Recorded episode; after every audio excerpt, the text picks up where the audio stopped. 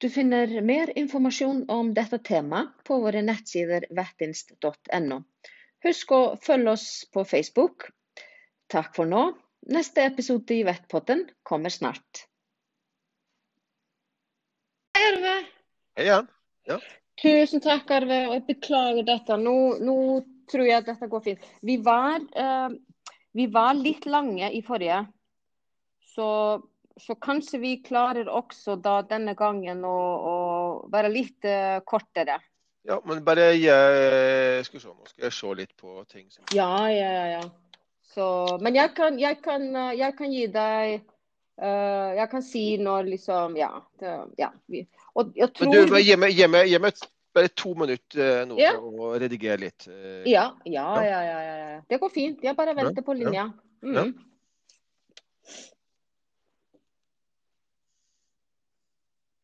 Veldig bra.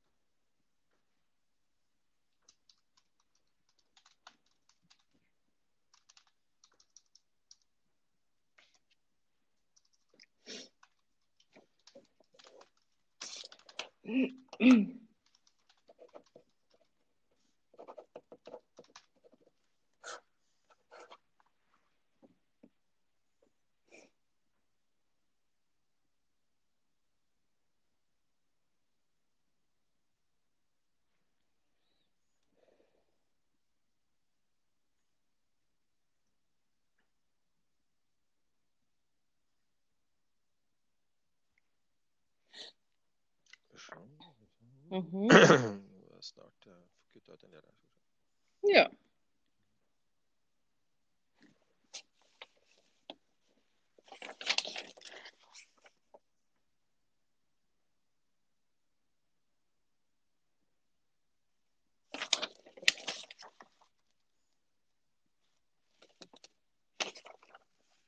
Det med bølgesprut kan vi bare kutte helt ut, for det er sånn der, eh, det kan vi, det kan vi trenger ikke ta i det hele tatt. Ikke sant? Da, da dropper jeg det. Og så lurer jeg på, fordi i, i spørsmål nummer fem, hvor, hvor, det var mange spørsmål som dukket opp, du trenger kanskje ikke å gå gjennom alle spørsmålene. Nei. kan nei. Ja. Du, ja. du, kan gjerne nevne de to viktigste etter din mening. Ja. Og så, mm. ja. Men vi får se. Mm. Veldig bra. Men da setter vi i gang. Et øyeblikk, skal vi se. Jeg skal bare, jeg bare gule vekk det som jeg ikke skal ta med. Skal vi se. Mm -hmm. Jeg tar eh, Jeg nevner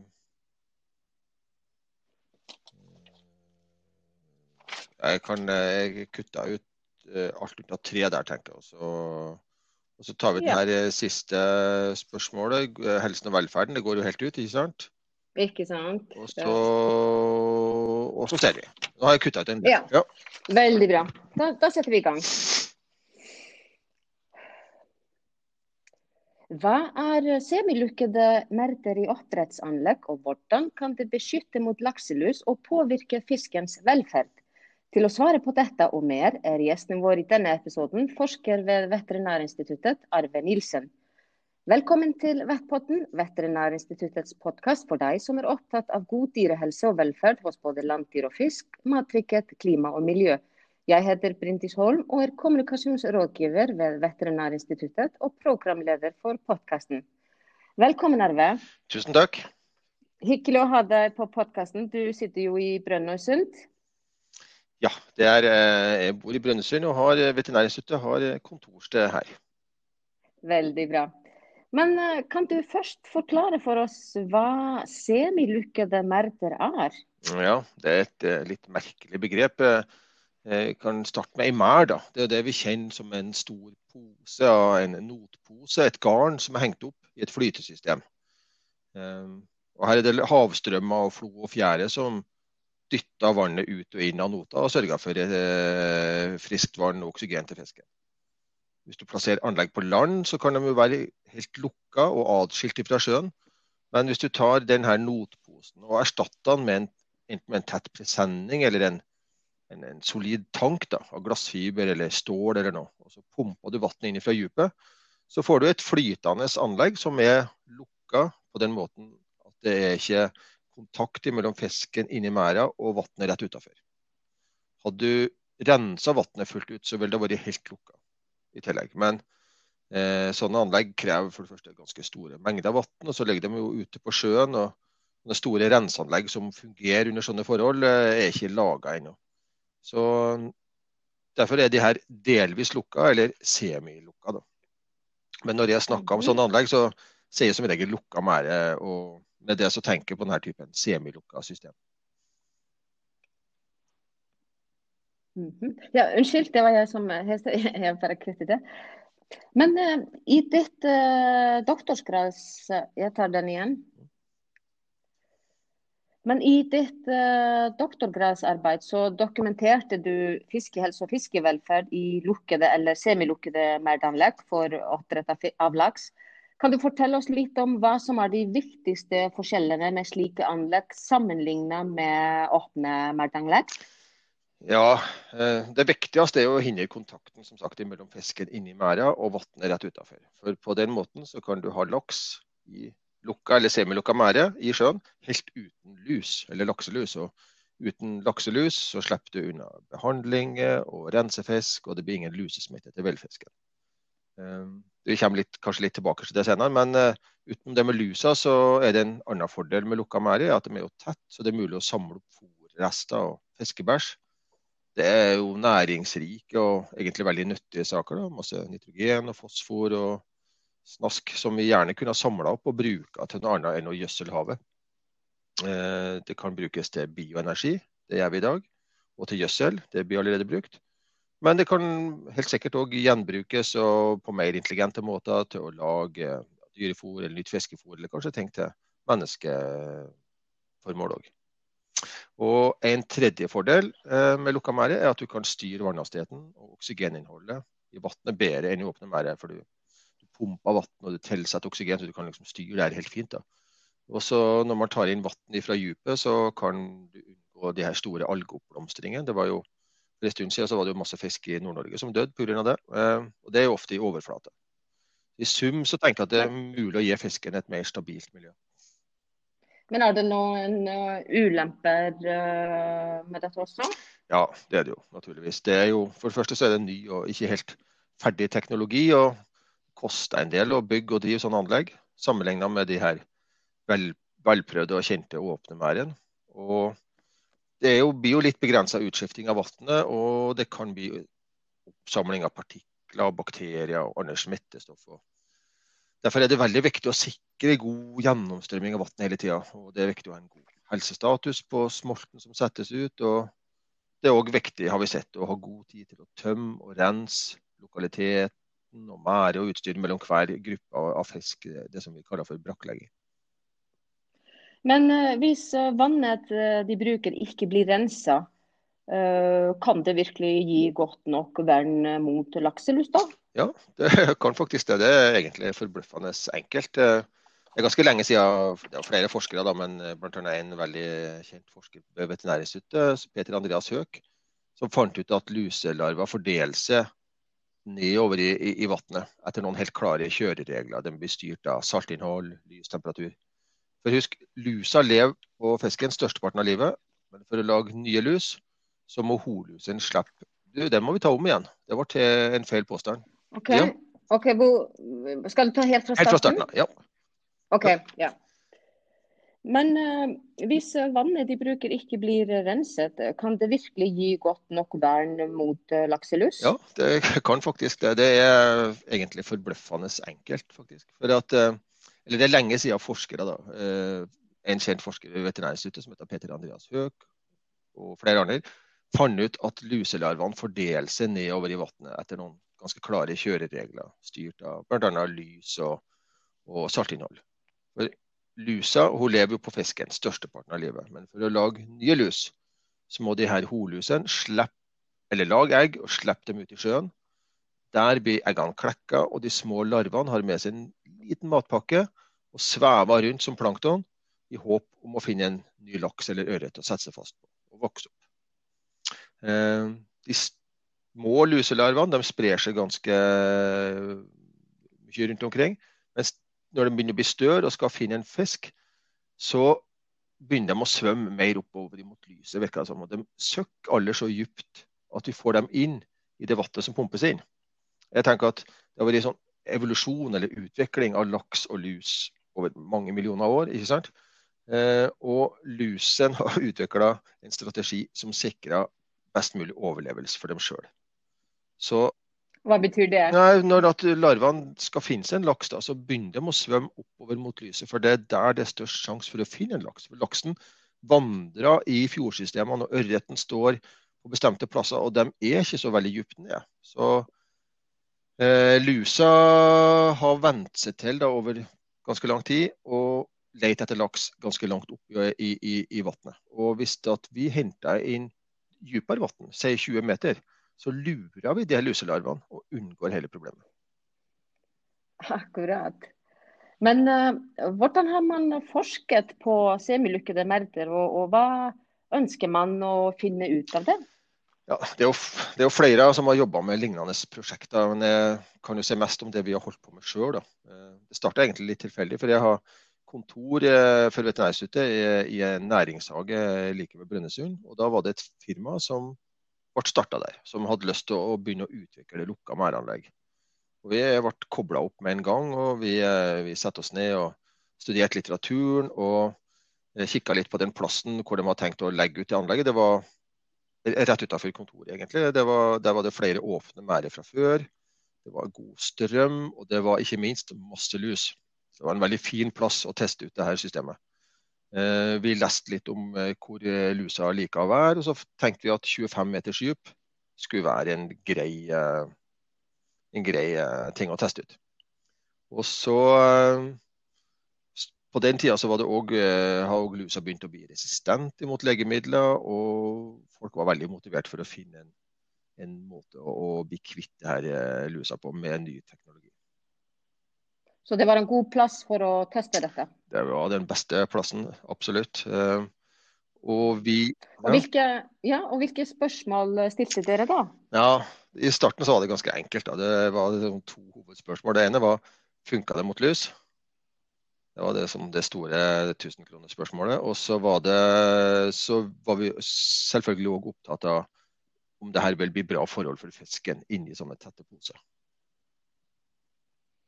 Akkurat. Så, og dere fant da ut at uh, Ja, jeg tar det igjen. Og hva, og hva, var svarene på disse spørsmålene? Ja, det første spørsmålet, om det funka mot lus, det var utrolig eh, bra svar på. Det var ja. Absolutt. Lusa forsvant fullstendig når vi brukte denne typen anlegg. Eh, og det, og det andre spørsmålet? Ja, Om fisken hadde det bra, så var svaret meg tja, ikke helt. Og fordi... Ja, det var først og fremst så var det Det kom altfor lite vann gjennom i den første prototypen. Det var ja, pumpen funger, altså leverte ikke så mye vann som vi hadde trodd. Og ikke minst avløpssystemet var alvorlig underdimensjonert og slapp ikke gjennom nok vann, rett og slett. Nettopp. Men, eh, men, kan du oppsummere litt hva forskningen om hvordan semilukkede merder eh, Jeg tar den igjen. Men eh, etter det Nei, en gang til. Men kan du Herregud, hva skjer? En gang til. Men kan du oppsummere litt hva forskningen viser om hvordan semilukkede merder påvirker fiskens helse og velferd? Bryndis, spørsmål? Vi hoppa over det her med, det her med sånn her eh, Det var et avsnitt Ja. ja. Så jeg tenkte at, ja, eh, si at spørsmålet blir på en måte eh, Etter at det her med at vi får for lite vann, hva kunne dere gjøre med det? Eller noe sånt kunne du jo spørre, eller? Ja, ja, ja. ja nettopp. Ja, vi tar det. Ja. Men eh, etter at de fant ut dette, hva, hvordan jobbet dere videre da? Nei, det var, For firmaet så var det jo å bygge nytt Eh, rett og slett eh, bedre teknikk, få med gjennom mer vann, prøve på nytt. Eh, de øka størrelsen på de her merdene fra 1500 kubikkmeter til 3000 og til 6000. Men ikke minst, eh, det måtte bygges mye større og mye mer avanserte avløp for å kunne slippe gjennom så mye vann som var nødvendig. Eh, og det måtte komme på plass systemer for vasking og, og rensing og spyling og sånt underveis. Da, for det er ute i sjøen, og det gror igjen med med begroing og tang og skjell og alt mulig hvis ikke det blir vaska ofte. Så det var mange sånne ting som vi måtte finne ut av. Men eh, i tillegg til det så har vi jobba med noen sånne helt konkrete forskningsspørsmål. Det kan, ja, ganske mange da, men jeg kan nevne tre. da. For det første, eh, hvordan varierer vannkvaliteten inni merden? Det har vi jobba masse med. Så har vi jobba med å finne ut hva slags sykdommer er det som dukker opp, og hva skjer da. Eh, og så har vi gjort et eget forskningsprosjekt på det her med vannhastighet og svømmehastighet. Fordi at Laksen er jo en atletisk fisk, han liker å svømme. Eh, vi testa litt forskjellige eh, vannhastigheter og så at når fisken fikk et tilbud om litt mer trening på jobb, så vokste han bedre. Han fikk bedre muskler, og han eh, eh ble mindre stressa og hadde rett og slett bedre. Veldig interessant. Og hva, Hvis du oppsummerer litt hva forskning viser om uh, hvordan disse systemene kan påvirke fiskens helse og velferd, hva sier du da? Ja, først vil jeg si at uh, det er kanskje litt tidlig å trekke sånne supersikre uh, konklusjoner, men vi har jo en god del erfaring etter hvert. Og vi har sett at det er mulig å fòre fram fisk i sånne lukka anlegg og samtidig ha veldig god fiskehelse og velferd. Vi har Eh, to ganske store grupper som går nå, eh, hvor vi har rekordgode resultater. rett og slett, og Veldig spennende å følge med på det. Eh, god vannhastighet og stabil vannkvalitet, pluss at du slipper lus og det her med lusebehandlinger, tenker jeg er litt av mekanismene for at du får god vekst og sterkere muskler og en robust fisk. og Folk som har jobba med andre typer sånn lukka merdsystem, har sett mye av det samme. Eh, men alle som har drevet med lukka anlegg ute i sjøen, har òg opplevd hendelser hvor det har gått gærent på en eller annen måte. Og Det vi har hatt trøbbel med hos oss, det er episoder med sår og med gjellebetennelser. Og eh, det er jo biologiske, helsemessige og velferdsmessige utfordringer som vi jobber mye med for å forebygge. For her er det ikke noe behandling, egentlig. Det er forebygging eh, som, eh, som gjelder her òg. Det er mm, mer teknikk som skal holde styr på i sånne lukka anlegg. Og jeg mener at å drive sånne anlegg og få det til eh, på en bra måte for fisken og alt, krever mer kompetanse og mer oppfølging kanskje enn å, enn å drive i eh, åpne systemer. Og I den sammenheng, hva, hvordan ser man for seg å kunne utvikle dette konseptet videre?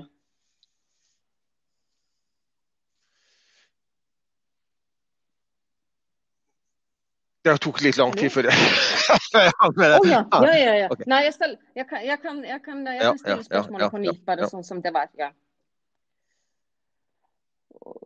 Men hvilken betydning kan eh, denne teknologien ha, og hva kan den løse videre? Ja, umiddelbare gevinsten er å kunne drive ute i sjøen med ganske lave kostnader og lite miljøinngrep ved bygging sammenlignet med landanlegg, samtidig som man slipper det med lus. Da.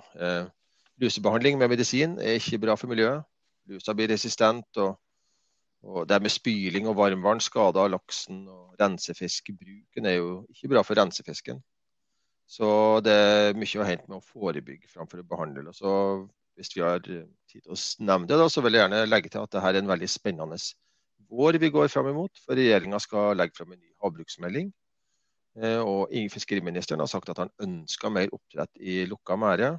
Men i tillegg så er det jo veldig sterk utvikling nå av mer landbaserte anlegg, og det her med offshore eller oppdrett til havs eh, er òg kommet. Så det er mange som er spent eh, på hva som myndighetene kommer til å legge opp til nå, da, eh, av rammebetingelser for, for utvikling av denne typen